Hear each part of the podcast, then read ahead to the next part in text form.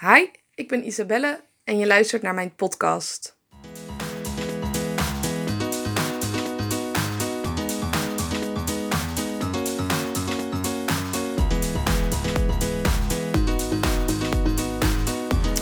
Vandaag wil ik het graag met jullie hebben over het woordje schuld.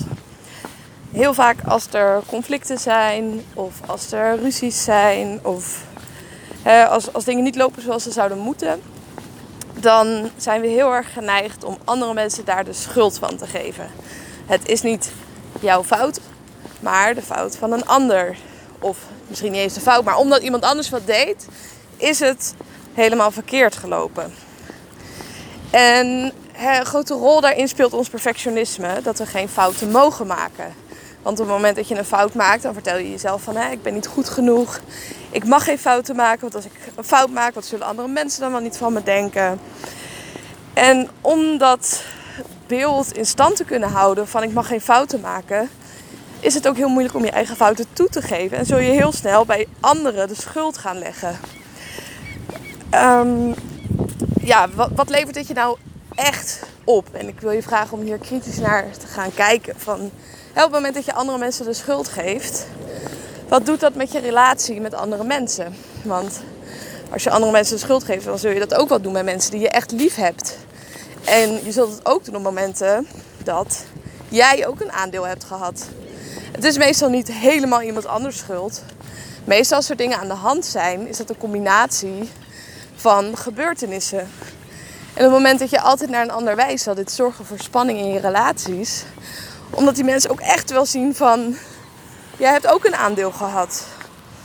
En misschien heeft de ander een groter aandeel gehad. Misschien heb jij een groter aandeel gehad.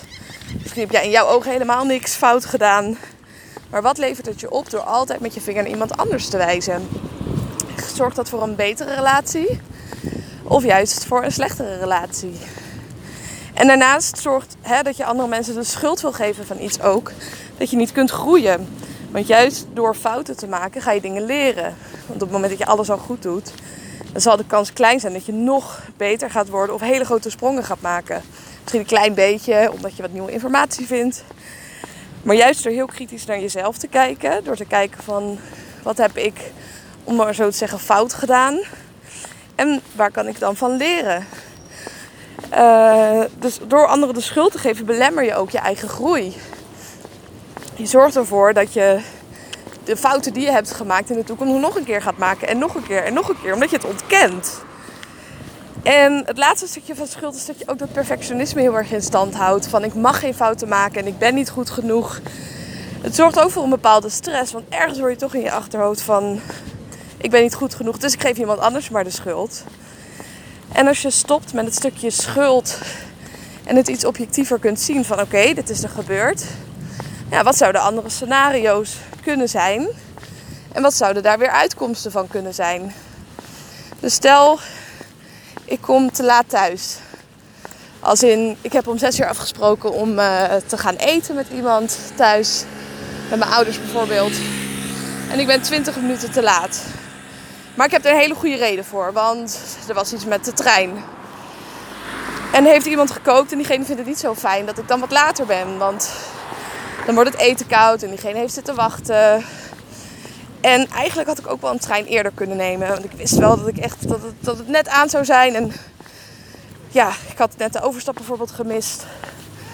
Wat ga je dan doen op zo'n moment? Ga je dan vol in discussie met de ander? Ja, maar ik kon er niks aan doen, dit, dat dan is de kans groot dat ze je volgende keer niet meer uitnodigen om te komen eten bijvoorbeeld. Of hè, dat, je, dat je in ieder geval uh, vaker dit soort conflicten ook zal krijgen.